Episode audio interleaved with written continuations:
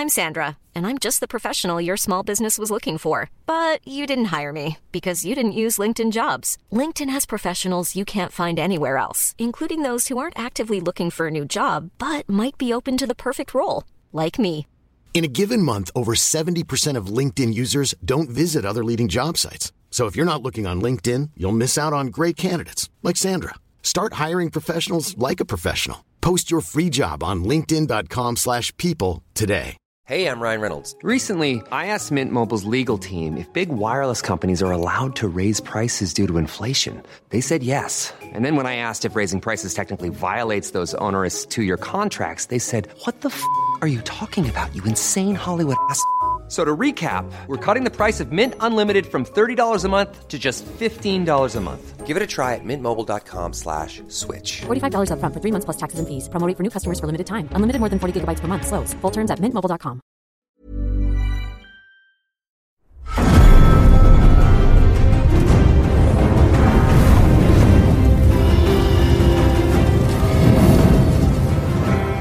Top of the morning to ya.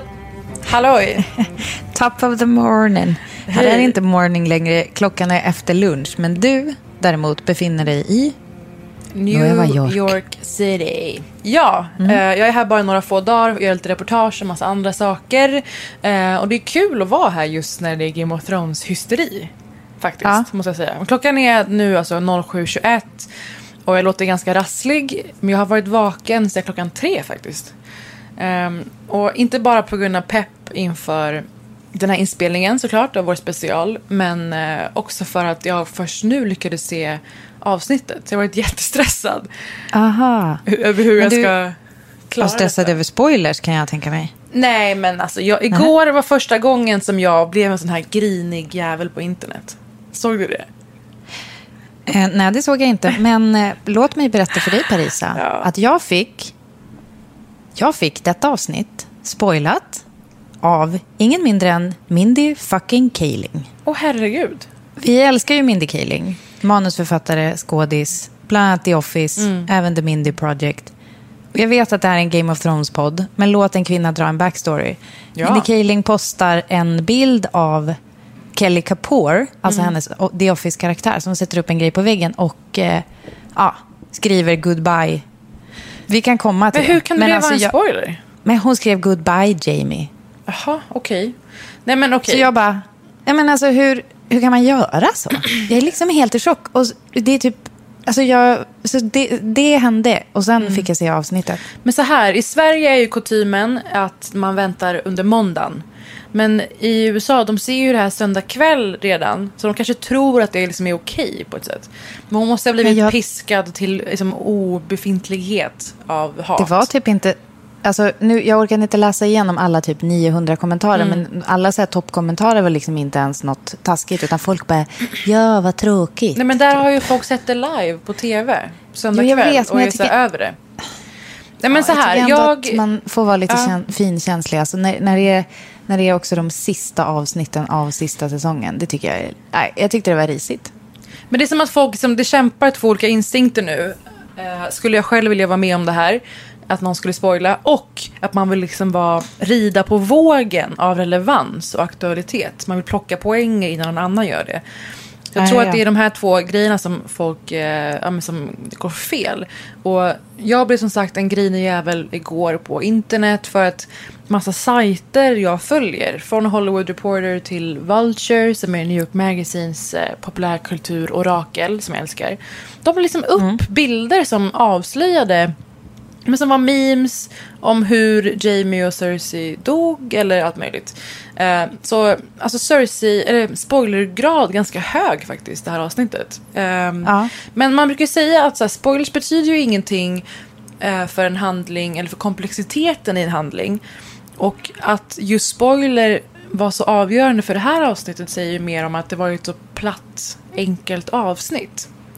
Nu går vi lite händelserna i förväg här, men jag tycker att det Mm. Ja. var väldigt mycket stora gester och väldigt lite ja, men komplexitet eller ehm, saker som var mer i detaljerna egentligen. Mm, jag kan på sätt och vis hålla med, men låt oss börja från början. Men först och främst, vad hade du för förväntningar inför avsnittet? Alltså jag tycker att det är svårt att säga om förväntningar när jag nu har fått se vad det blir. Liksom. Jag kommer inte riktigt ihåg kanske vad jag tyckte innan, men en ganska väntad grej som jag tror vi pratade om förut, att Danny skulle gå ännu djupare i sitt mörker.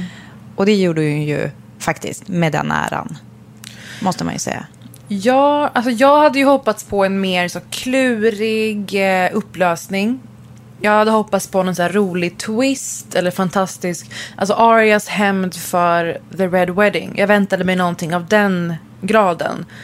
Som är mer ett spel, som är mer en heist på ett sätt. Och inte det här överdådiga. Det var jag inte alls beredd på. Så när jag började se tweets och sånt om att så här, gud, största mayhemmet någonsin. Så var jag så här, jaha, är det det som väntar mig? Så hela dagen igår så visste jag ungefär vad jag skulle få se. Och nu precis då, för bara någon timme sedan, såg jag klart det här eh, 90 minuter långa avsnittet. Så ska vi ta det från början som vi brukar göra. Så går vi igenom det här tillsammans med er som lyssnar. Och just det, vi ska också säga till er som lyssnar att ni får jättegärna hålla koll på eh, våra respektive Instagramkonton. Det finns ju Britta och Parisa för oss båda där vi uppdaterar löpande om vad vi tar upp i podden och vad vi har för oss framöver. Och så har vi våra egna. Men vi vill ju göra någonting kul kring finalen nästa vecka med ett kanske event dit ni får komma och där vi har eh, olika prat och saker på scen. Mer, mer kan vi inte säga just nu, men eh, ni får jättegärna hålla utkik efter det. Om man bara prella några kvällar nästa vecka. Håll hela nästa vecka fri, är vad vi säger. Håll hela, ba- basically, håll, håll öppet bara, så kommer vi fylla den. Lita på oss, vi löser någonting. Ehm, ja. Från början då. Jag gillar ju att, att, att liksom ta tag i handling genom citat. Och jag tycker ett som Varys sa precis där i början blev väldigt ehm, talande för resten av avsnittet. Det är det han säger till lilla flickspionen han an- anlitar. The greater, the greater the risk, the greater the reward.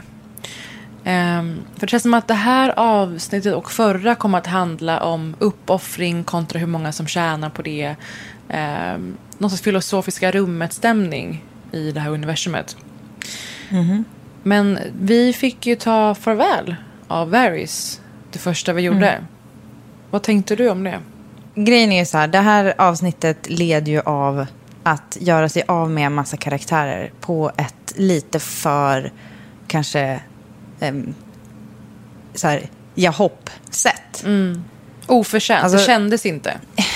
Nej, och liksom uppbyggnaden till det och jag vet inte vad. Alltså, nej, alltså det, det, det kändes, eh, det kändes eh, förhastat och jäktat och eh, det kändes inte riktigt rättvist mot liksom, den karaktär som han är. Och, och egentligen så klumpar jag då ihop, jag, jag kanske inte tycker någonting om Varys specifikt utan mer liksom generellt att avsnittet led av det här. Ja, det blev verkligen det sammantagna känslan kring avsnittet. Jag vill kalla det här avsnittet för ett grudge-VM. Alltså att hålla en grudge och att alla andra blir lidande av det. Eh, okej. Men bara för att landa i Varys-grejen. Eh, när han möter Jon Snow där så gör han ett sista försök att rekrytera Jon Snow till hans lilla team som består av bara honom än så länge. Att han Ja. vill avsätta Daenerys och få till Jon. Och eh, Jon säger “Aren't you worried for her?” Alltså är du inte du orolig för Daenerys? Och Varys säger “I'm worried for all of us”. Han försöker markera för Jon då vad som står på spel. Han, han hinner ju inte skicka det där brevet han sitter och fnular på i sin lilla kammare. Och jag tycker att det mest givande från Varys död var dels eh, Tyrions ångest över att han tjallade på Varys. Och eh, att han medger det här till Varys när han ska, precis ska dö. Är ju Ja. någonstans att vilja bli förlåten eller förstådd av Varys. In i det sista Ja. vill han ju liksom...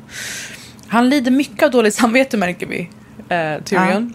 Och jag tycker att det Men mest det tyckte givande... jag kanske var Ja. något jag tyckte någonting kring. Ja. Alltså det, då kändes det. Mm, eller hur? Att han ändå ville så här, okej rätt ska vara rätt, det var jag som gjorde det. Det var fint. Det var ett fint utbyte Eller mellan liksom, dem. Det var någon sorts, Det ja, det var två någon jävla rejects. märklig kärlek i det på något sätt. Alltså, typ att du ska veta, ja jag vet inte, det Mm. kändes som en... Eh, Men jag tycker Eh, att alltså, förutom, förutom Brienne så är det ju Tyrion som har hållit mest nivå i sina scener genom det här, den här säsongen. Där saker har känts och bottnat i en, absolut. Men det starkaste av allt var ju blicken. Den där blicken av så undran och lite skräck från John när han ser Daenerys avrätta Varys. Ja, Alltså jag skrattade rakt ut. Eh, den, där, den där blicken fick mig att tänka på en grej. Alltså det är ju när man har en partner och man inser för första gången är så här, ah, här är något inte riktigt hundra. här är något som är, ah, som kan bli ett problem. Alltså Eh, typ vadå, Någon, så här, man, har, man presenterar en för ens föräldrar och kommer en lite rasistisk kommentar vid middagsbordet. Åh eller vadå? herregud, det hade varit... Ja. Det var den blicken. Ja, men det var blicken av... Jag kommer ihåg att jag hade en pojkvän som eh, var på väg hem från krogen. Och han liksom springer och sparkar ner en papperskorg. Och jag, alltså på natten på väg hem. Och att jag verkligen hajade till och var så här, det där kändes lite märkligt. Men något, annat, något, något mer jag kommer att tänka på var att den här blicken är när man tror att man känner någon. Man är kanske utomlands om man hör att den här personen pratar brittisk engelska. Att man för Sluta. första gången hör en person prata engelska och den har valt aktivt brittisk engelska.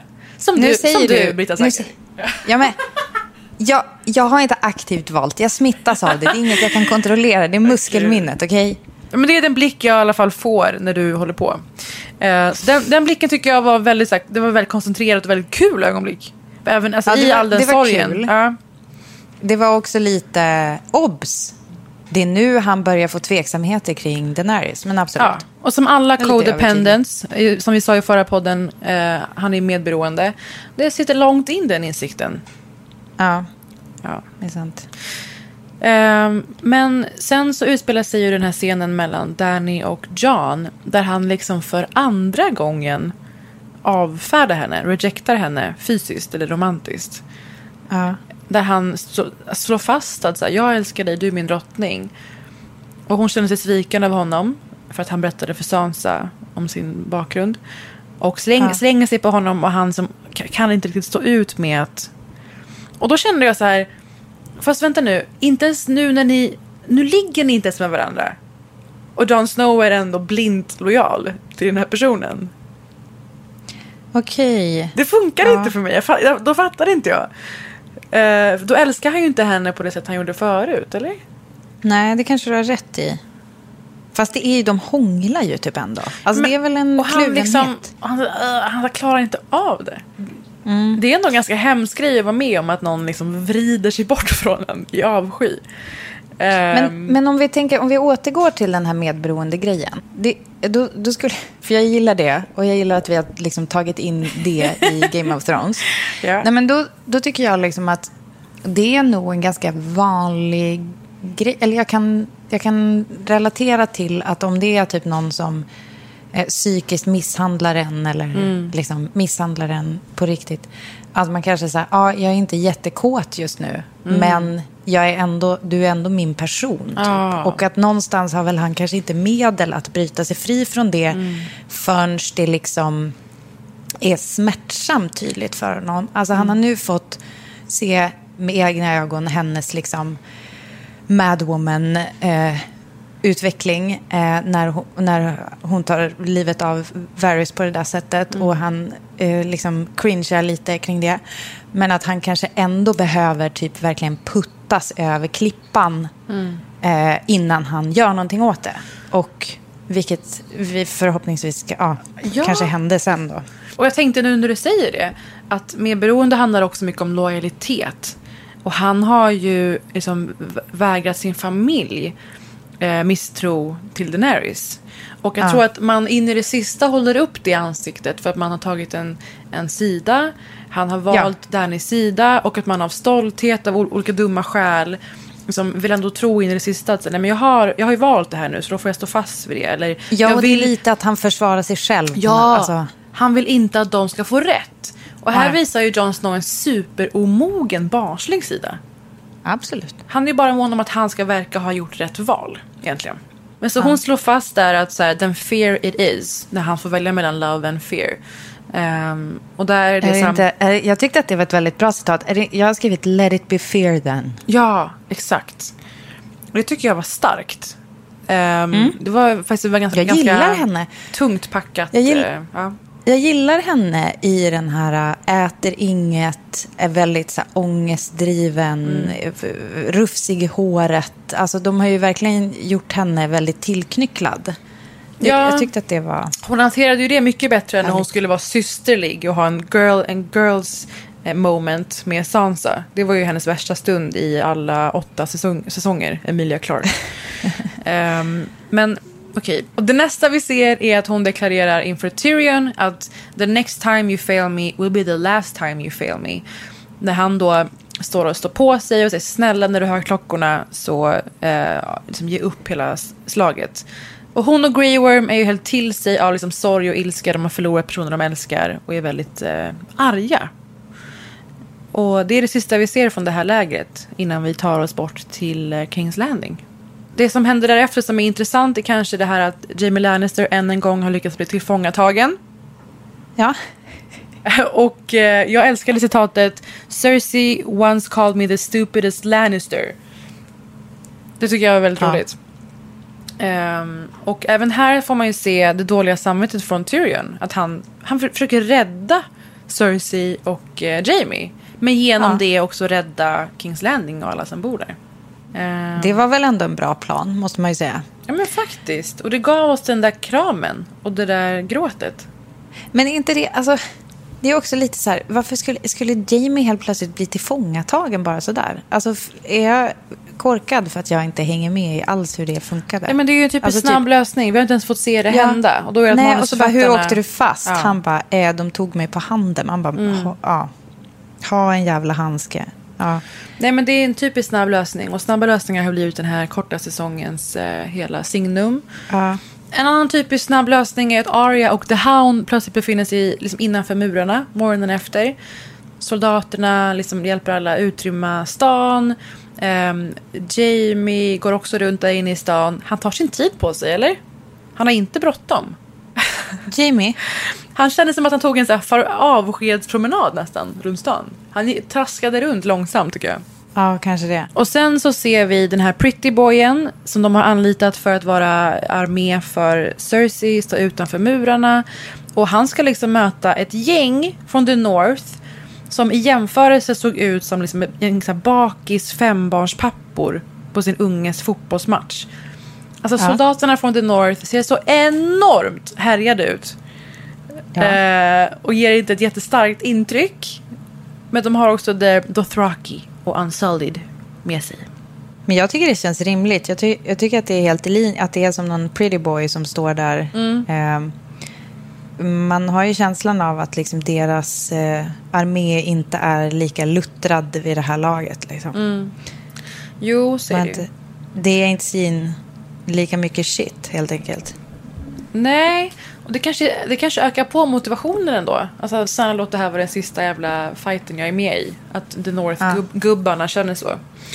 Ehm, Men det som sen händer är ju alltså, helt i linje med det som jag beskrev i förra avsnittet. När jag var helt chockad över att liksom, tre som sådana där spjut från Eurons flotta kunde mörda draken.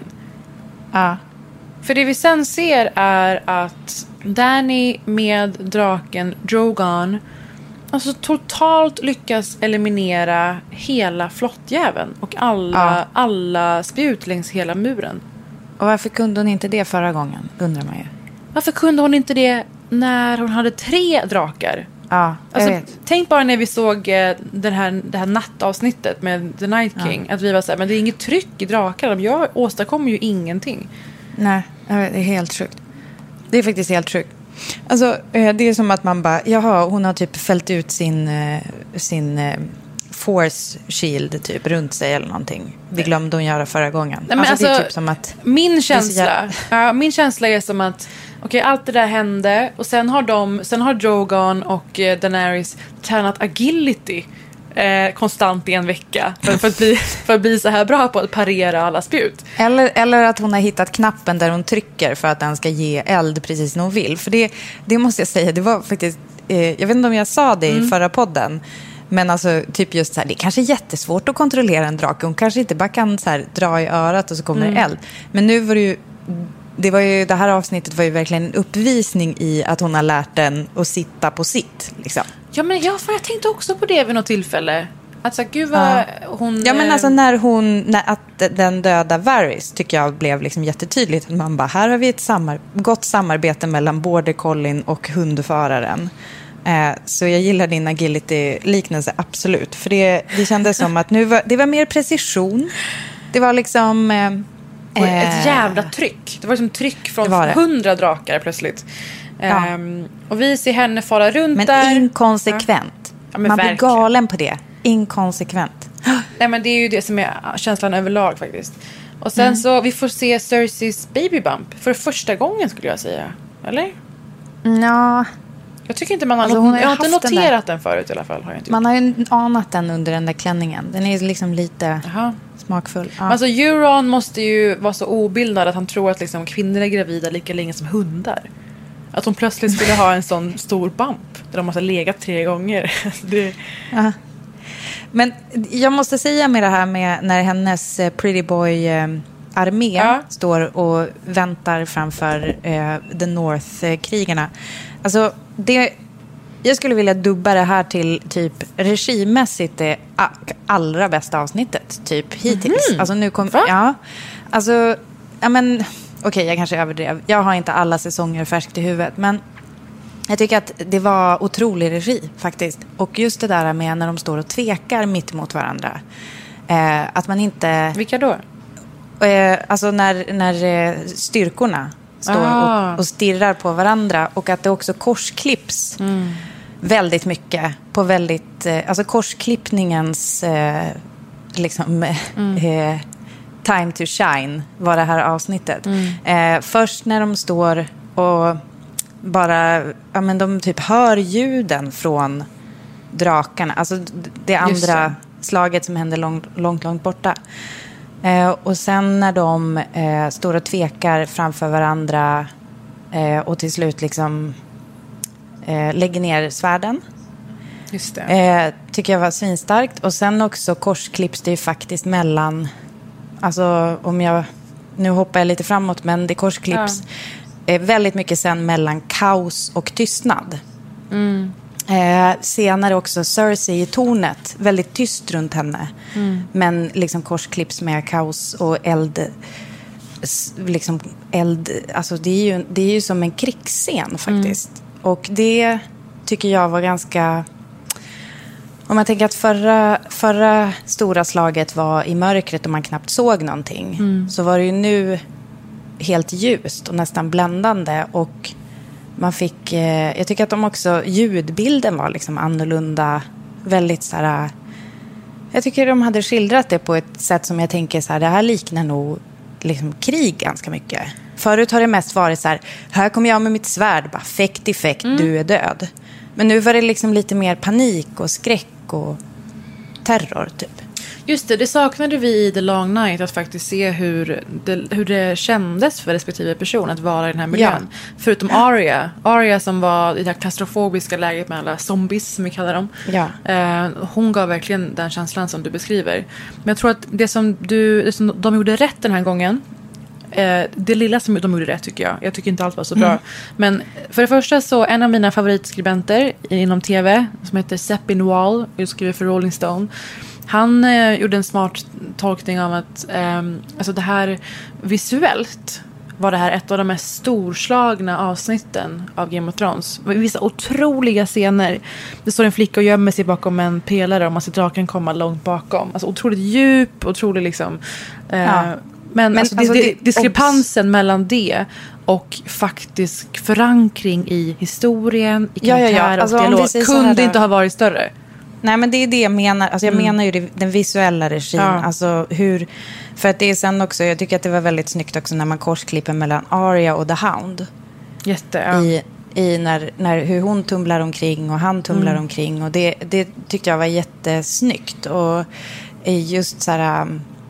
Eh, alltså det finns vissa scener som Mm. jag bara satt och gapade för det, de var så jävla snygga. Men sen absolut så här logiskt och liksom hur, vad som händer med karaktärerna. Mm. Det hör såklart också till regin och det var inte toppen. Jag menar, Nej. jag menade helt och hållet typ Visuellt. att DOP'n har, har gått loss Just och det. fått, fått göra det härligt. Men en annan grej med Arya som de gjorde bra var att hon var ju vår point of view i det här avsnittet. Hon var vår Ja. man på gatan. För i krig så är det oftast en anförare på en balkong, en anförare någon annanstans och bara stora drag.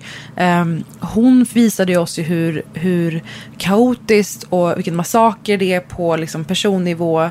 Och jag tror att man visar det här och visar hur chockad eh, Arya blir av de här synerna för att bygga upp hennes förakt mot eh, Danny. För nu måste vi prata om Danny. Vi ska säga det rakt av. Det här har ju fått fruktansvärt mycket kritik redan. Ehm, Jag känner att vi får se Danny eh, i kamp vid kanske max ett par tillfällen. Först när hon eh, dyker ner där mot Euron. Ehm, Då förstår vi fortfarande henne på något sätt. Och sen när hon står där ehm, på tornet, hon står med Drogon på tornet och inväntar en slags reaktion från Kings Landing. Hur ska ni ha det? Ska ni ge upp eller ska vi fortsätta kriga? Ehm, Och alla står och väntar. Det, den stunden kände jag väldigt starkt. När man stod och väntade och tittade på tornet. Det var väldigt snyggt gjort faktiskt. En av få stunder som jag verkligen kände någonting starkt. Och när klockorna ringer, lättnaden från Tyrion, från Jon, från alla möjliga. Och vad fan hände sen? Ja, alltså... det, alltså allt där... Eh, slaget är ju liksom slut helt och hållet. Det är helt slut. Och då går Daenerys Targaryen och blir Hitler. Typ. Men kan vi prata om det liksom ögonblicket sekund för sekund? För jag har, jag har faktiskt kollat tillbaka på det nu ett par gånger för så här, eh, försöka avgöra, är det bara att Emilia Clark inte lyckas förmedla vad Danny tänker eller känner? Är det klippt dåligt? Är det, alltså jag försökte fatta så här, var gick det fel? Nej, men jag läste en, eh, jag läste en eh, eh, sajt, en källa som jag nu inte riktigt eh, orkar leta reda Ja. på. Men alltså att, att det var ett snyggt grepp att inte visa Daenerys eh, egna... För att från det att hon går apeshit på hela Kings Landing och dödar massa, massa, massa oskyldiga så då får vi inte se henne. Utan då blir hon typ en mördarmaskin. Hon blir typ som så här eh, vätgas istället. Eller någonting. Alltså det, det är bara, det, hon blir ett stridsmedel istället på något sätt. Ehm, och att det kan jag... Relatera men- till. Nej, men jag kan tycka att det var intressant. Jag vet liksom inte riktigt. Men du hade velat ha en större connection med henne i det där? Nej, eller? jag behöver inte relata till alla. Nej. Utan bara rent skådespeleri, rent, kunnat, rent dra- liksom? dramaturgiskt hade jag velat alltså, få veta varför hon gjorde som hon gjorde. För nu tycker jag att det skär sig helt mot serien och är bara en, en Ja, nödlösning. fast, jo, fast hade du fått några svar bara för att du sett hennes liksom, ansiktsuttryck? Alltså, Ja. Det, liksom, nej. Jo, en, Tror du en, det? en blick, en känsla att hon... Ja, om Fast hon den får du ju innan. Nej. Alltså hon gör ju en ganska... Hon, ja, men hon är ju väldigt tydlig. Jag tror att jag sa förra avsnittet det här att man typ alltså att hon känns här att hon kommer stampa i marken och säga typ det är mitt godis. Alltså hon har ju valet att bara styra rakt mot Cersei. Alltså man hade ju kunnat bara elda det där tornet hur lätt som helst. Mm. Det är, Styra det är exakt vad jag skrev ner. Ja, Men så här känner det jag. Det, hon hade, det hade räckt att förmedla att hon tror att det här är någon slags bakhåll. Att hon känner att nej men de här kommer aldrig ge sig, de här fienderna. Någon sån sak hade räckt. Eh, Jonna som följer oss, jag skrev till oss på DM. Varför blev Danny Mad Queen nu? Hon låste ju fan in sina drakar efter att ha dödat en oskyldig unge i Essos i säsong 5-6. Ehm, och många har DMat oss med liknande eh, just stunder som visar på att hon har varit med om mycket värre saker genom de här åtta säsongerna och inte turnat. Och någon skrev Ja, och väldigt att- smart att det hade varit en sak om det här hände, säg direkt efter att hon får veta Jon Snow-grejen och Missandei's halshuggning, att de då hade mördat en drake. då hade man förstått den här urflippningen. Just det. Det var en väldigt bra Nej, poäng alltså, tycker jag. Ja, men jag håller med. Och att jag, jag har läst ganska många så här röster på internet bland Mm. också så här folk som har läst böckerna. För det har ju inte vi gjort. Men alltså att, att, Danny, liksom, att hon länge har varit just väldigt noga med så här, sitt beskydda av oskyldiga. Just det. Och väldigt så här, kluven kring sådana saker. Så det, det är också, det är ju liksom eh, hör ju till den här allmänna känslan av att alla karaktärer liksom bara helt plötsligt betyder ingenting vad de har byggt upp under åtta säsonger. Just det. Eh, vilka personer de har varit hittills är tydligen helt över bord. Eh, det, ett exempel är att Danny helt plötsligt, som då tidigare haft mycket mer samvetskval och att hon jag tror att det var, var någon som påpekade att hon har sagt att hon ser sig som de o- oskyldigas beskyddare. Liksom. Men byggde hela sin image på att hon skulle vara breaker of chains, bla bla bla. Alltså jag tycker Ja. att det här är ju så här äh, Kapten Klänning-stämning. Att alltså, bra- branda sig som en förkämpe för någonting och sen var den värsta förövaren av alla. Ja, groomer, där ni gick alltså. och blev Kapten Klänning i det här avsnittet. Ja. Ehm, ett annat exempel på det är, är ju Aria lite grann. Att hon helt plötsligt var typ en liten flicka. Gud vad liten hon Eh, var. Jag har läst en tråd som eh, Kalle skickade till mig. Det är En tjej som heter Abby Russell har twittrat att there's nothing quite like investing in a show and characters for eight years just to watch it conclude by selling out liter- literally every single character in one episode. Och angående, då går hon liksom igenom typ alla karaktärer men bland annat så skriver hon då Arya A woman who is so damaged by all of the destruction she, she's seen happen to her family. All sh- th- she can think about is death and killing. Seasons and seasons of her becoming a trained assassin, constantly reciting her list of names. Just for some guy who is sort of a father figure to go, hey, maybe don't. And her to say, damn, why didn't I think of that? Det var Alltså, verkligen den nivån. bara, eh, ja, det var den nivån. Att han bara, eh, akta dig, det kanske är farligt för dig. Hon bara, eh, okej, du har rätt, hej då. Och sen är hennes väg ut Mm. ur det där är ju, hon är ju ett litet barn. Just alltså hon det. är ju ingen assassin, hon är ju typ så här, hon känns ju jätte, alltså man, som tittare så känner man ju, man känner ju oro för henne. Vanligtvis så känner vi ju typ hon klarar det. Även i det där zombierummet liksom. Men nu känns det som att hon bara flyger som en liten vante. Vad vad har liksom hänt med all hennes shit? Men så här, ena veckan räddar hela mänskligheten. I Ja, ett dåd av liksom otroligt mod. Alltså, hon är Ja. kompetent så att säga. Hon går på Veckan- bossarnas boss. Veckan efter Ja. blir liksom en flicka. Och eh, men helt, eh, kan inte fend for herself överhuvudtaget. Men det var jättemärkligt och jag skrev verkligen det så här i min lilla anteckningsbok. Varför vände Arya helt plötsligt? Eh, Det är helt ofattbart faktiskt och det är så jävla tråkig nödlösning återigen.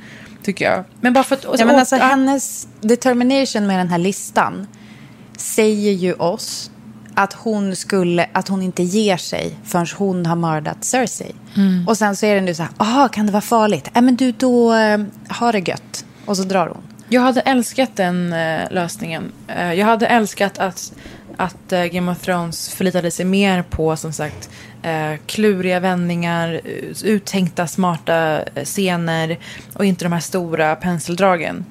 Ehm, men bara för att återgå till Danny igen, om det här eh, flippen. Så är det så att eh, det här har fått mycket skit eh, redan som sagt. För att hon som en nödlösning eh, vänder helt plötsligt och i ett ganska märkligt sammanhang. Vi får se att John och Tyrion och alla är helt bestörta och Arya också bestörta över vad hon gör. Och som du sa, jag kände, jaha hon kommer att flyga direkt mot Cersei och bränna upp henne på balkongen där. För det hade varit Ja, det är det inte, inte rimligt, men hade varit mer logiskt. För alltså, jag har sagt förut att jag skrev en artikel som var så här, någonting om de mest tillfredsställande skurkdödarna genom film och tv-historien. Och det skrev jag efter att jag såg Joffrey dö. Och blev så jävla uttråkad och besviken av hur B det var efter allt han har gjort mot människor. Ehm, och jag hade tänkt att Danny skulle älska en jävla ritualavrättning av Cersei, alla generaler, alla som har liksom upprätthållit det här väldet. det är en så futtig grej. Och att hon skulle börja bränna gemene man. Och inte slänga sig Ja. på Cersei. Det var sån jävla miss tycker jag.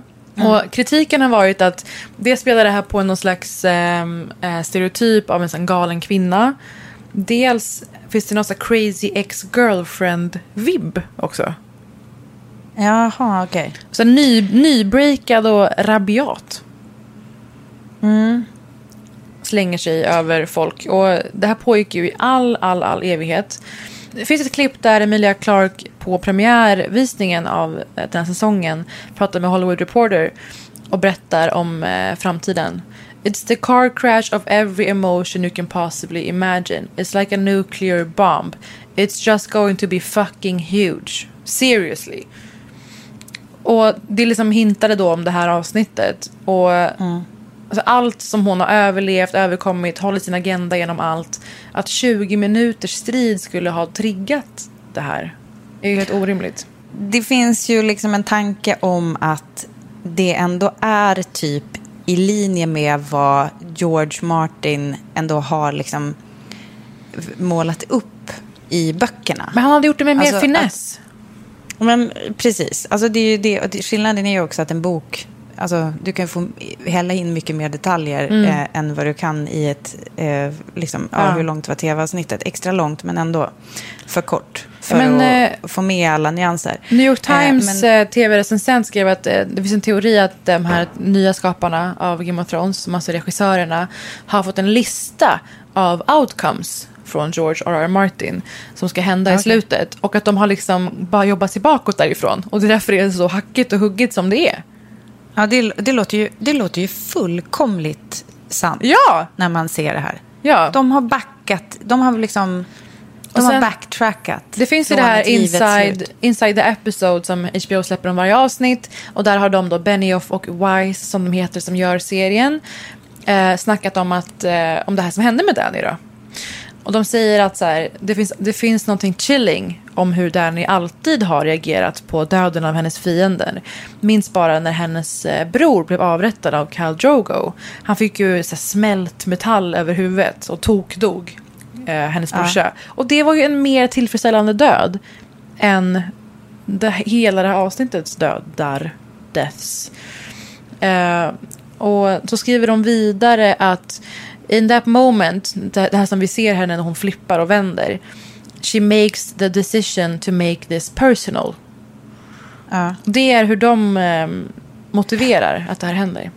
Ja, precis. Och alltså, lite allmänna reaktioner på internet är ju också att eh, det alltid har varit i Game of Thrones, eller i alla fall som då George Martin eh, har hanterat människor som är maktkåta. Att det alltid eh, straffar. Alltså att de liksom, de tar sina personal issues eh, och liksom eh, det blir typ deras, eh, vad ska man säga? Det, det är Deras liksom, undergång. Det rinner över. Ja, precis. Alltså man kan ju inte prata om hennes undergång i och för sig än. Ja. Eh, men att det är... Jag läst på theconcourse.com. For eight seasons Game of Thrones has observed the license taken by the powerful to reach down from the heights and journal their personal issues across the world in the blood of commoners. Mm. The Bells, alltså avsnittets namn, followed that to an astonishing endpoint. Mm. Rage, grief, isolation and vengeance in an unchecked warlord who mm. rides al- around on a nigh indestructible doomsday device. Så det är liksom, alltså, de, det är ju på något sätt, det är ju det som händer. Alltså, det är ju också eh, vad som har hänt med tidigare. Alltså, det, det är på något sätt att meddelandet här är, den som vill åt tronen, den, den, eh, den kommer bli knäpp. Just det. Och det är därför Och kanske typ säger att Jon inte Snow- vill ha den hela tiden. Just Ja, det. exakt. Okej, jag fattar. Men det, alltså, Ja. jag tycker hela det här avsnittet, avsnittet var ett tomt spektakel. Alltså, det var en massaker, inte bara på commoners utan på alla karaktärers banor och utveckling. Och däribland då värst av allt, eh, Jamie Lannister. Eh, Vi har lidit av hans utveckling i flera säsonger. Vi har verkt med honom. Och sen så återgår han till sin gamla dumma futtiga person. Först är det det här slaget med Euron. där, alltså som verkar helt onödigt men där Euron ändå verkar veta att han ska dö snart. Och därför är det så här, då kan jag lika gärna dö i det här slaget. Det verkar vara hans motivation. Hur tunt Men alltså får jag bara säga, hur jävla svårdödad är inte Euron?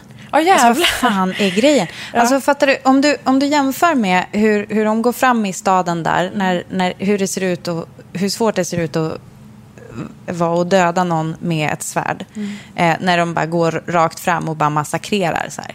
Och så tittar vi på Euron Greyjoy. Nej, men honom kan man liksom inte döda med ett stab, inte ens två, tre. Alltså, det är så här, det är så jä- han är så seg. Och då har jag också varit i den där eh, liksom, eh, Iron Fleet, eh, alltså har blivit attackerad av drake. Det klarade han sig. Alltså det är som någon jävla en kackerlacka liksom. Men han vill så väl- mycket. Verkligen. Kackerlacka är så bra sagt. Men också så här, Jamie blir knivhuggen två gånger. Ja, och så här, han haltar sig fram till eh, Cersei. Och sen därefter så verkar de besvären vara över. Men bara för att landa Ja. där vid eh, Cersei en sväng. Vi ser ju henne stå på balkongen. Och till slut ge sig och ska bege sig ner i någon slags källare och gömma sig med Kyborn. Åh herregud, nu kan vi prata om... Ja. Är det nu vi ska prata om det sjukaste ögonblicket i hela avsnittet? Eh, Ja. Jag, alltså, vi pratar alltså om Clegane Bowl. Ja! Clegane Bowl är vad folk kallar det här mötet mellan de två bröderna Cle. Alltså The Cleg- Hound och The ja. Mountain, eller Zombie Mountain. Som möts Ja. i trappen. Och jag vill bara säga att det här komiska anslaget som Game of Thrones har eh, lagt till sig med senaste säsong, eh, säsongen, som jag har hatat. Det enda komiska ögonblicket i det här avsnittet är när, när Cersei förstår att så här, okej, eh, det verkar vara någon slags drama här. Så jag skuttar härifrån. När hon liksom Nej, alltså hon- trippar hon bara, ner för trappstegen och bara ursäkta mig, jag ska Ja, bara gå åt sidan ursäkta. här. Ursäkta, ska bara kila förbi lite snabbt. Alltså typ nästan som att man ser att hon håller upp så en hand för ansiktet som bara så här, don't mind me, ja. jag ska bara trippa förbi. Så jävla sjukt Det var var. jätteroligt. Men det var, det var det enda så komiska inslaget. Typ. Men varför tar inte Cle- Clegan The Hound och bara knivar henne lite i sidan lite snabbt, Snabbt, och sen kan han just det. fortsätta med Gregor eller vad han heter. Men det talar ju för hur lite han bryr sig om eh, allmänvärldsliga eh, skeenden. Men eh, bara, för, Så för, eh, feed, eller, bara för att throwbacka hatet mellan dem så är det så att det här enorma R-bildningen i eh, The Hounds ansikte är från när hans storebror, The Mountain, puttade in honom i en eld när han var ett barn. I någon slags bråk. Aha. Bråk över leksaker. Och han verkar ha varit ett äckel hela deras liv. Eh, han är ju en väldigt känd våldtäktsman och misshandlare och bara en murderous shit person. Eh, Så det, hade liksom, det, det är ju ett, ett eh, klimaktiskt möte, ja. Förtjänade det 20 minuter? När vi samtidigt, vi får inte se en enda kommentar eller blick på Danny. Vi får knappt någon replik från Jon Snow i hela avsnittet. Men Nej, vi ska men de se korsklipper 20 det ju så minuter. Vi ska se 20 Ja, men det är för minuter att av de- det här slagsmålet. Tog du tid eller? Men det är för att de korsklipper så fint med Arya, det är det som är grejen. Men du är alltid på seriens sida. Det här var ett haveri. Nej. Det här, det här var Nej, ett haveri. Det var jättetråkigt att se deras himla fight. Ja, det var supertråkigt. Och det enda roliga var när han skrek just fucking die eller någonting. Or can you die already? Han, Ja. han skrek något sånt, the hound. För rätt som det är så är den här zombiemannen ja, men ganska svår att döda. Visar det sig. Fast då, rätt som det är, alltså honom förväntar jag mig var svår att döda. Att Euron Grey, Greyjoy är lika jävla svår att döda, Euron det Greyjoy var lika svår att döda som Zombie Mountain. Det är ju väldigt roligt. faktiskt sjukt. Ja. Ja. Nej, men jag tror att allt det här hände för att man ville se någon försöka döda en zombie. Det blev ett liksom, huvudstab.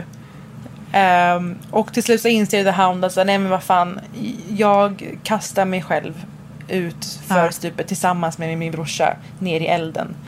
Ja. Ehm, det var liksom, Ändå värdigt slut på en ganska tråkig scen. Ja, jag började, jag började, jag började lista. Cersei-komiken. Jag började lista så här, memorable deaths för mig själv. Ja. Och jag fick det till tre memorable deaths. Av alla som borde ha fått det i det avsnittet så var det bara The Hound. Ky- Kyborn sulas ju som en tennisboll mot marken och huvudet spräcks i tusen delar. Då skrattade jag lite faktiskt. ja, Det tycker jag var ganska Det var- kul. Det var som att slänga Det- liksom en, eh, en, liksom en eh, mogen frukt mot marken, mot sten. Det var också lite, alltså, jag tänker också, nu är jag kanske lite galen för att jag tänker att man inte lägger alla ägg i en korg. Men, Mm. men den döden eh, kanske gjorde då att Cersei inte kunde dö i samma scen. Liksom. Ja, och att Men, hon trippade alltså, ner.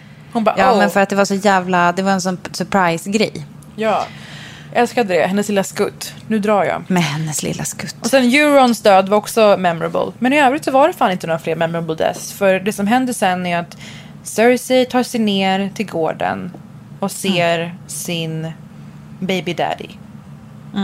Sin baby daddy and a baby brother. Jag tyckte, vet du, nu, är jag, nu blir jag sådär liksom cinematisk. Ja, absolut. Eh, noll cinematisk. Nej, men alltså, jag tyckte ändå att det var fint att de möts på den där himla kartgolvet, Mm. lilla torget som man har sett så mycket. Eh, och som vi har sett i, alltså det är ju som en ehm, så här, välkommen till den här välmående världen ehm, eh, signal, Ja. tycker jag. Och så var den liksom helt i i spillror. Eh, och det är där de möts. Det tyckte jag var ganska fint på sätt och vis. Men vad jag inte tycker är fint är så- att jag inte förstår. Jag förstår inte Jamie Lannister.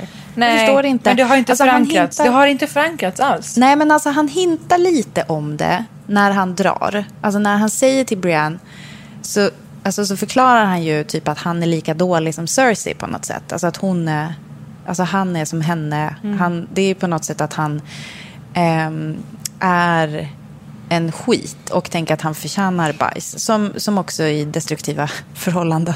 Jo, jo, gud. Eh, men jag, jag fattar liksom inte... Eh, det är så jävla lite känsla i den där scenen. Och sen, precis som du säger, han är liksom knivhuggen gånger två. Eh, men har ändå typ så här jättemycket kraft åt att föra Cersei i säkerhet. Men han började klättra då? på sten. Han började kolla om man kunde röja undan sten där i tunneln där nere. Men de är där nere och det är då det blir en såpopera av hela den här serien. Två av våra, våra kärnkaraktärer, Cersei och Jamie Lannister, som alltså födde hela förfarandet när de puttade ut Bran från det där jävla tornet. De ska dö där ingen ser dem och av lite fallande sten, gråtandes i varandras famn och när Jamie precis har sagt “Nothing else matters, only us”. Alltså de har ju verkligen nödlöst sig loss den här skiten. Jag fick någon slags känsla av någon liknelse i kroppen av att det här som Danny gör med Kings Landing, den här totala förödelsen och massakern. Hon bara brände sönder hela den här stan som hon en gång i tiden ville bo i och regera. Det är vad skaparna av Game of Thrones har gjort med Game of Thrones. Och skaparna av serien har gjort med Ja. historien, Ja, berättelsen bra. Game of Ja, Thrones. bra. Sagan liksom. Metafor för hela skiten. Brände ner hela satans skiten. Bränn allt. Nej men när de dog där, jag kände inte någonting inuti. Inte jag heller. Noll. Noll, förutom besvikelse. Men någonting jag måste faktiskt säga. ehm, Ja, besvikelse över, över dramaturgin, inte över... Nej, men det de hade dog. varit underbart att se liksom makt, maktspel spela sig ut sen. När Ja, de har tillfångatagit Cersei och Danny vill avrätta henne och Tyrion säger nej kan vi inte bara fängsla henne. Alltså det, man hade velat se allt det här. Diplomatin, House of Cards-eriet, vad var det för skit? Ehm, Men för att vi bara har ett avsnitt kvar så fick det bli den här jävla snabblösningen. Men det som det här fick mig att tänka på. Jag har ju ett väldigt effektivt sätt att eh, läsa av karaktärer på. Det funkar. det funkar sådär. Okej. Men det har med Gone Girl att, att göra. Gone Girl är filmen och boken där en kvinna eh, lurar omvärlden att hon har eh, dött, blivit eventuellt mördad av sin man för att sätta dit honom. För att han varit otrogen mot henne. Ja, otrogen mot henne i många, många år. Och hon tycker bara att hon är allmänt pissigt behandlad. Tjejen i Gone Girl gör massa horribla saker för att komma undan, upprätthålla sin lögn och så vidare. Eh, jag brukar fråga folk, hur länge höll du på henne? För man ser att man håller ju väldigt mycket på henne i början. Man sympatiserar med henne, man tycker han har varit en sopa. Och sen börjar de flesta liksom tappa av i, i takt med att man ser att hon liksom utnyttjar folk och hon till slut avrättar en kille med en jävla mattkniv. Och Då brukar jag fråga folk, hur länge var du på hennes sida eller hade någon sympati för henne? Alltså menar du då att mattkniven är dealbreakern eller? För vissa, för de flesta kanske. Ja. Vad säger du? Jag vet, alltså jag vet jag har läst boken, det var skitlänge sedan. Ja, okej. jag, jag har inte... Nej, men de flesta brukar säga så här, så fort jag fattade att hon inte var död så brukar folk släppa det. Alltså för mig var det knappt efter mattkniven. För att alltså, jag är ändå på dem, den, den typiska tjejens sida i det allra mesta. Och jag måste säga att i det här avsnittet så finns det en parallell. I och med att vi börjar med att sympatisera med Danny. Hon har förlorat så mycket, det är drakar och det är vänner och vad fan det är. Och vi hatar Cersei. Jag måste säga att jag ändå mot slutet, man ser henne stå och gråta där på balkongen fastän hon precis har sänt sin befolkning in i döden. Så måste jag säga att jag ändå, mina sympatier mm, liksom blev lite mer nyanserade där mot slutet. Att jag tyckte att det var fan lite oförtjänt att det var så här Cersei skulle gå till historien. Mhm. Hon, förtjänade bä- hon förtjänade bättre än så här tycker jag. Ja, jag fattar. Dels Alltså, som fan. karaktär, jag har dels så som person. svårt att upp, Jag har så svårt att uppmana någon som helst... Het, heter det uppmana? Uppma- Uppbåda? uppamma. Någon som helst... uppamma. Det kommer jag göra i höst. Eh, vad heter det? Att, för Cersei. Jag känner liksom... Alltså jag, jag tycker hon är så fruktansvärt ondskefull karaktär. Ja. Jag har liksom svårt att titta på henne. Jag, blir, jag liksom stör mig på henne. Så hon har en jättesnygg pixie haircut, absolut. Men jag sitter liksom och stör mig på Ja. typ hennes munspel. Bara för att den känns så ond. Jag tycker liksom att hon är perfekt. Ja. Eh, casting just Hon av den spe- hon spelar ju så otroligt bra. jävla- Alltså, Lina Headey, så bäst i serien. Exakt. Ja. Ja. precis. Med, med Brienne of Tart konkurrens på sistone. Nej, men alltså, hon är så genomond. Ja, jag, jag, Ehm, jag kände dock och- verkligen här att så här, hon ville saker. Och i och med att Danny blev en Ja, så men hon är ju ansiktslös skurk. Så tycker jag verkligen att jag, eh, i och med att hon blev så illa, så blev det typ att jag ändå värmde till lite inför Cersei. Det måste jag faktiskt säga mot slutet. Även om jag inte tyckte att det var en, och mest därför säkert, det var en så oförtjänt tråkig jävla ovärdig död. Det tror jag. Helt enkelt. Ja. För liten död i förhållande till Hennes storhet. vad som hänt. Som, ja. som Ja, skurk men också- eller som person. Ja. Vilket som liksom. Ja. Eh, men jag sa det, jag ska nämna lite kritik mot det här avsnittet. Och just i relation till det här. Eh, en filmskapare som heter Megan Ellison. Hon är filmproducent och grundare av produktionsbolaget Anna Perna. Som har gjort flera av de filmer som hon har producerat. Alltså vi snackar Zero Dark Thirty. Her, American Hustle, Phantom Thread. Alltså en Oscars-nominerad höjdarmänniska helt enkelt. Ja. Hon skrev på Twitter i affekt. David Benioff and D.B. Weiss, alltså skaparna av Game of Thrones tv-serien, just ruined 30 years of George R.R. Mar- Martins work in 90 minutes. Alltså kändes inte det helt sant och helt fantastiskt? Ja, jag har inte läst böckerna. Jag, kan, jag vet inte, men absolut. Alltså, det, det är ju, alltså det, och det verkar ju typ hela internet ganska eniga om. Så om du som lyssnar just nu känner, vad fan var det här? Ja. Det är ju liksom, nej men det var, men jag tycker att du sa det så bra. Alltså det är som att de har gjort med serien som Daenerys gör Mm. med Kings Landing, eller The Red Keep. Men med hela historien ja. För att, alltså, tänk hur komplex, hur mycket djup, hur mycket, liksom, hur mycket som finns i George R.R. Martins eh, verk. Bara, ut, bara av att ha sett de tidigare säsongerna när han var mer involverad och när det fanns böckerna de byggde på. Nu finns inte böckerna att bygga på. Så de här två liksom, underhållningsgobbarna har gått loss med sina, med sina drag. Hon fortsätter. They are sexist fucks.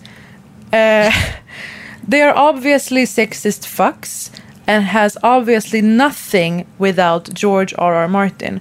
There was no motivation for Daenerys to lay King's Landing low after a lifetime of her saving innocence.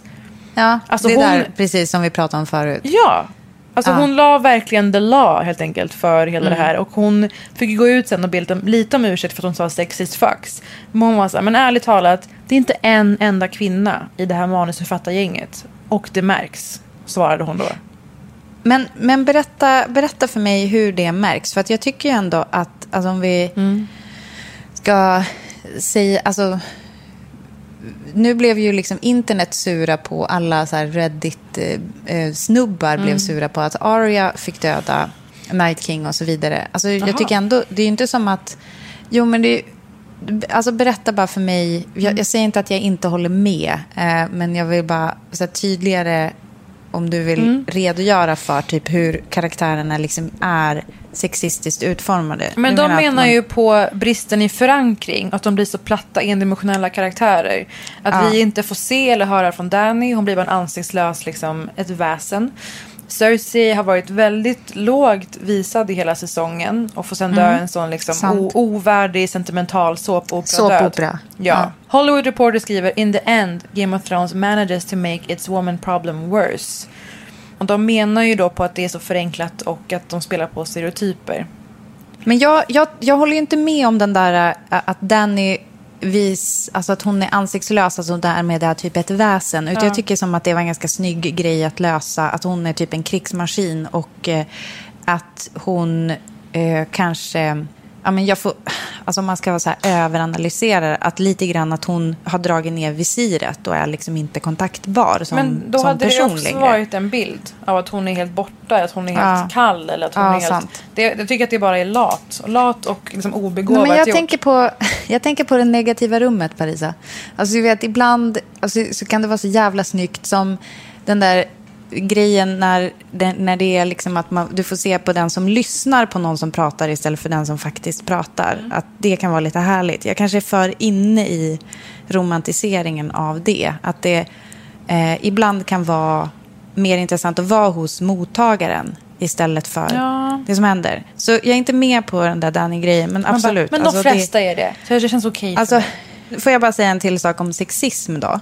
För att det är ju, och har ju varit länge, alltså det är inte som att George R.R. Martin är känd för att vara någon himla så här kvinno eh, sakens kämpe heller. Alltså mer, minns eh, avsnittet som SNL gjorde där eh, eh, Andy Samberg porträtterade eh, en, liksom den extra manusförfattaren på Game of Thrones som vi inte kände till, som var då en 13-årig kille som bara gillade att se töttar. Eh, det är liksom en, det, så har ju faktiskt serien varit hittills, så jag vet inte fan, alltså jätte, så här, jätte, det är väl inte som att det står mellan de här då sexistsvinen och typ Gudrun Schyman, utan det är ändå så här, well, det är en serie som som, eh, ja, liksom alla serier, ganska mycket säljgrej med tjej. Liksom. Ja. Men utöver det här med sexismspåret så är många, eller många som skriver om liksom vad synen på mental ohälsa gör. Eh, eller synen på den i den här serien. Att det är som att det är eh, liksom o, ofrånkomligt eh, ärftligt. Det här att Mad King, hans dotter, blev Mad Queen. Ehm, och det är många som har skrivit om det. Och då började jag skratta och känna att så här, tänk, om hela, tänk om det här blir hela Game of Thrones legacy. Att man liksom piskar upp, ohälsa. man piskar upp en stämning mot människor med mental ohälsa. Att det inte ska normaliseras. Liksom. För nu är vi, ju, vi är ju i en era just nu där man, man försöker nyansera det där och se det som att det är, är som en, olika egenskaper, en personlighet, di- diagnoser, allt vad det är. Och så kommer den här serien och bara, men så här, om du har liksom någon som har varit galen i familj, då är du skit. Ja. Liksom. Ja. Det, Fast, alltså, jag, jag, fast lite stämmer det ju. Alltså, mycket psykisk ohälsa går ju i arv. Så jag Okej, vet inte ja. fan. Alltså, jag menar, eh, typ bipolaritet och sånt där, det, det finns.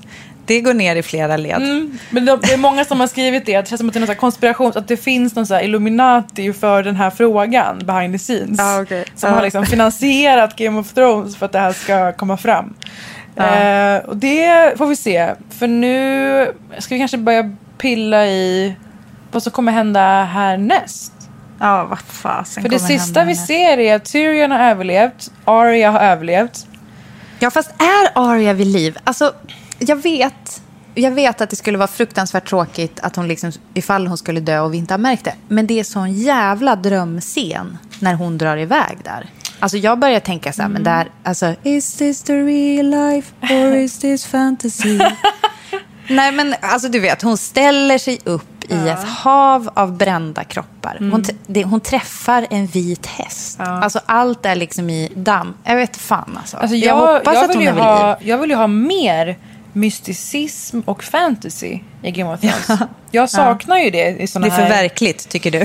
Nej men nej, alltså jag menar verkligen vad gäller teorier och ödet och alltså, Ja, profetior, just sådana saker. Jag, jag tyckte det, var, det fanns ett sånt element till den scen- scenen och det är många som har trott att det där var någon slags avsked till himlen eh.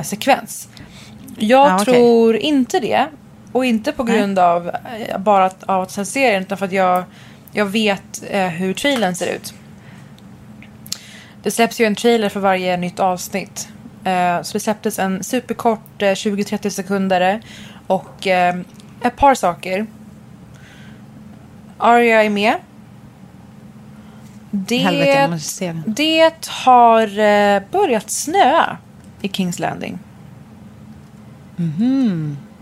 Men är det inte askan då? Det är snö. Det är Stockholm i januari. Det väcker ju en del frågor. Eh, och det som vi kan se fram emot i nästa avsnitt är ju upplösningen av det här. Hur John kommer bemöta Danny. Vad hennes ursäkt kommer vara. Och eh, vad Arya kommer ställa för, på, för krav på John till exempel. Och så har vi ju Queen Sansa fortfarande. Men det här med Ja, snön exakt. alltså. Ja. Ja, var det allt man fick se i trailern? Superkort, var ja. det... Ja, okej. Nej, men eh, för att du som efterlyser mer mysticism och liksom eh, h- h- häxeri, antar jag. Ja. Alltså, Bran är ju fortfarande kvar också. Yes. Men det som Eh. jag fick någon slags aning om vad gäller snön. Det finns ju en teori om att, och det, vi pratade om det när The Night King dog. Att så här, Jaha, nu var det här över. Jaha. Eh, frågan är om det verkligen är det. Helt. Och ja, att du det menar är om det alla som... de undead är döda, eller vadå? Nej, och att, men att det är någonting med The Night King som har med den här snön att göra. I och med att det är den koppling vi har till den eviga vintern. Ehm, det är en tanke. Och sen... Tänk om det är som i Frost, att, att eh, isen kommer från rädsla. Ja, just det.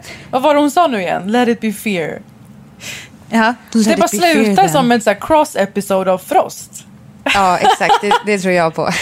Den är stark. Arya får kuta fram och rädda Sans, eller hur fan det nu är. Men eh, andra teorier som jag anar, aningar om är att eh, det kommer bli så att eh, Arya försöker mörda Danny Ja, hon har ju fortfarande ett par gröna ögon kvar Ja. att sluta. men att det inte kommer gå. Och att eh, det är då John kommer John behöva mörda Danny. På tal om den här teorin jag drog i förra avsnittet om att det är han som är Azor Ahai. Mm. Det. Den är jag ganska peppad på. Och eh, alltså, jag ville nämna hela våldtäktsscenen också. Men det tror jag att alla som ser har vett nog att förstå. Att, alltså, det här var så mordpackat avsnitt att man blir så odrabbad. Då tog de till liksom våldtäktskortet för att få publiken att känna sig någon slags oro. Att någon snubbe skulle liksom, mitt i strid bli lite sug- sugen på att våldta någon. ligga med någon. Eh, och att man skulle få upp eh, hoppet för John lite i den blicken. I och med att han dödar en av sina egna. I någon stund Ja. av att han finner sin person. För att jag tror att John kommer i nästa avsnitt att eh, reclaima sin roll som den enda, eller inte den enda, men den goda personen i den här serien.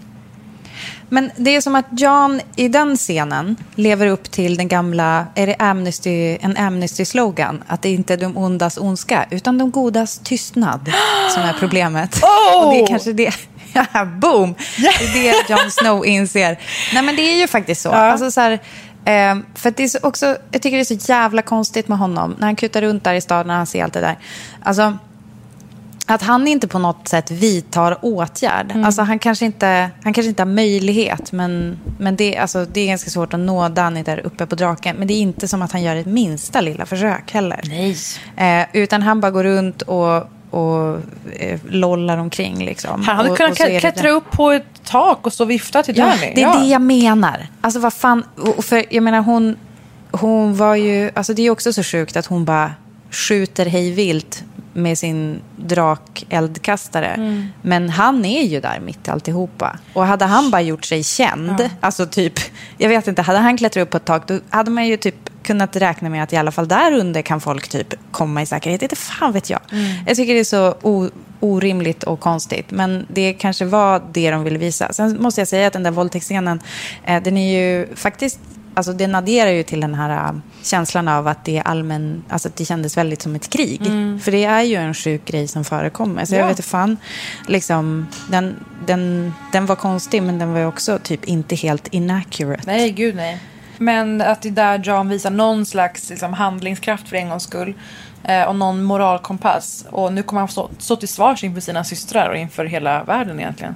Så, så jävla spännande. Och jag eh, åker ju hem, jag är hemma på torsdag igen. Och alltså, jag tänker jag skulle vilja se det här avsnittet samtidigt som det går live i USA på något sätt. Det får väl bli någon slags lösning söndag natt i Sverige. Ja. För jag, jag vill verkligen så uppleva det samtidigt som alla andra. Bara storheten i det. Alltså åtta säsonger Ja. går till ett slut. Tror du, vad är känslan är nu liksom? Att du kommer bli nöjd? Mm. Eller att det kommer kännas som att man får typ closure? För just nu känner jag mig ganska orolig Mm. att jag överhuvudtaget kommer känna något. Jag vet. Förstår du? Jag hoppas på Efter att, det här, liksom. Ja, men jag hoppas på att det här avsnittet... Man, det brukar ju vara så att det näst sista avsnittet i varje säsong, alltså penultimate som det heter på engelska. Att det är det som är packat med action, river upp sår, liksom väcker trådar. Och att det är det sista som det som listigt och elegant och klurigt sluts olika mysterier. Och det är det jag hoppas på, att det får ta sin tid och att vi liksom får liksom känna den där känslan av att alltså, det här var så raffinerat, det här var så en jävla mindblowing eh, scen eller vad det kan vara. Och att de största dragen har, har varit nu lite grann. Jag börjar typ hoppas på en editors cut. Ja! Det, eller fast det är så här, eh, alltså istället för directors cut, att det är som att, eh, vad heter eh, George R. R. Martin typ så här, gör om, gör rätt. Vi, vi gör en sista säsong på, på fansens sida. Men tänk om hans liksom, fans startar en kickstarter om tio år. Ja. Vet du, vet du hur jävla mycket pengar de skulle kunna dra in då? Ja, och jag, att någon, liksom, någon begåvad gör om hela skiten och gör det rättvisa. För han har inte Exakt. släppt de sista böckerna än och han gör det kanske Nej. han känner så här, vad fan det här har vi fuckat upp. det här Mm. blev inte bra. Eller så är han nöjd och tänker att han kommer sälja Satan bara för att folk kommer typ behöva söka sig till, även vi då som, som inte har läst dem, kommer behöva söka closure i dem istället. Alltså jag fick någon tanke när jag kollade som var så här, alltså har han jävla spelmissbruk vi inte känner till? Varför behöver han så mycket snabba enkla pengar, George? Du kunde ha stoppat det här med lite vett. Ja. Men han är ju verklighetens Jon Snow. Låter massa skit hända. Låter massakern ske. ja, och bara står och gör miner. Ja, ska vi Du- samman, eh, vad ska man säga, avsluta den här specialen? Ja, det gör vi. Och håll utkik på vårt Instagram ifall det skulle vara så att vi på något sätt drar ihop något kring sista avsnittet. Vi har lite trådar ute. Det var tre disclaimers i den meningen. Håll utkik efter information om var vi ska ses. Säger jag för att vä- väga upp. Håll Sorry, sorry. veckan öppen. Ja, Håll boka veckan inte in ett öppen. skit. Nej. Ehm, men så länge så finns vi ju på den Instagrammen, Britta och Parisa och våra respektive. Vi kommer väl snacka vidare om Game of Thrones antagligen på olika plan tills nästa vecka Och ändå. tycker, ni, och tycker ni att vi har fel eller vill ni lägga till någonting så hör gärna av er där också i DMs. För det tycker vi är härligt. Gud vad roligt! Tack för att ni har lyssnat. Jag kommer sakna det här så mycket efter nästa vecka. Ja, jag med. Vi måste hitta något annat att göra med Allt våra liv. Okej, men Ja. tack så mycket. Vi hörs snart. Puss, hej.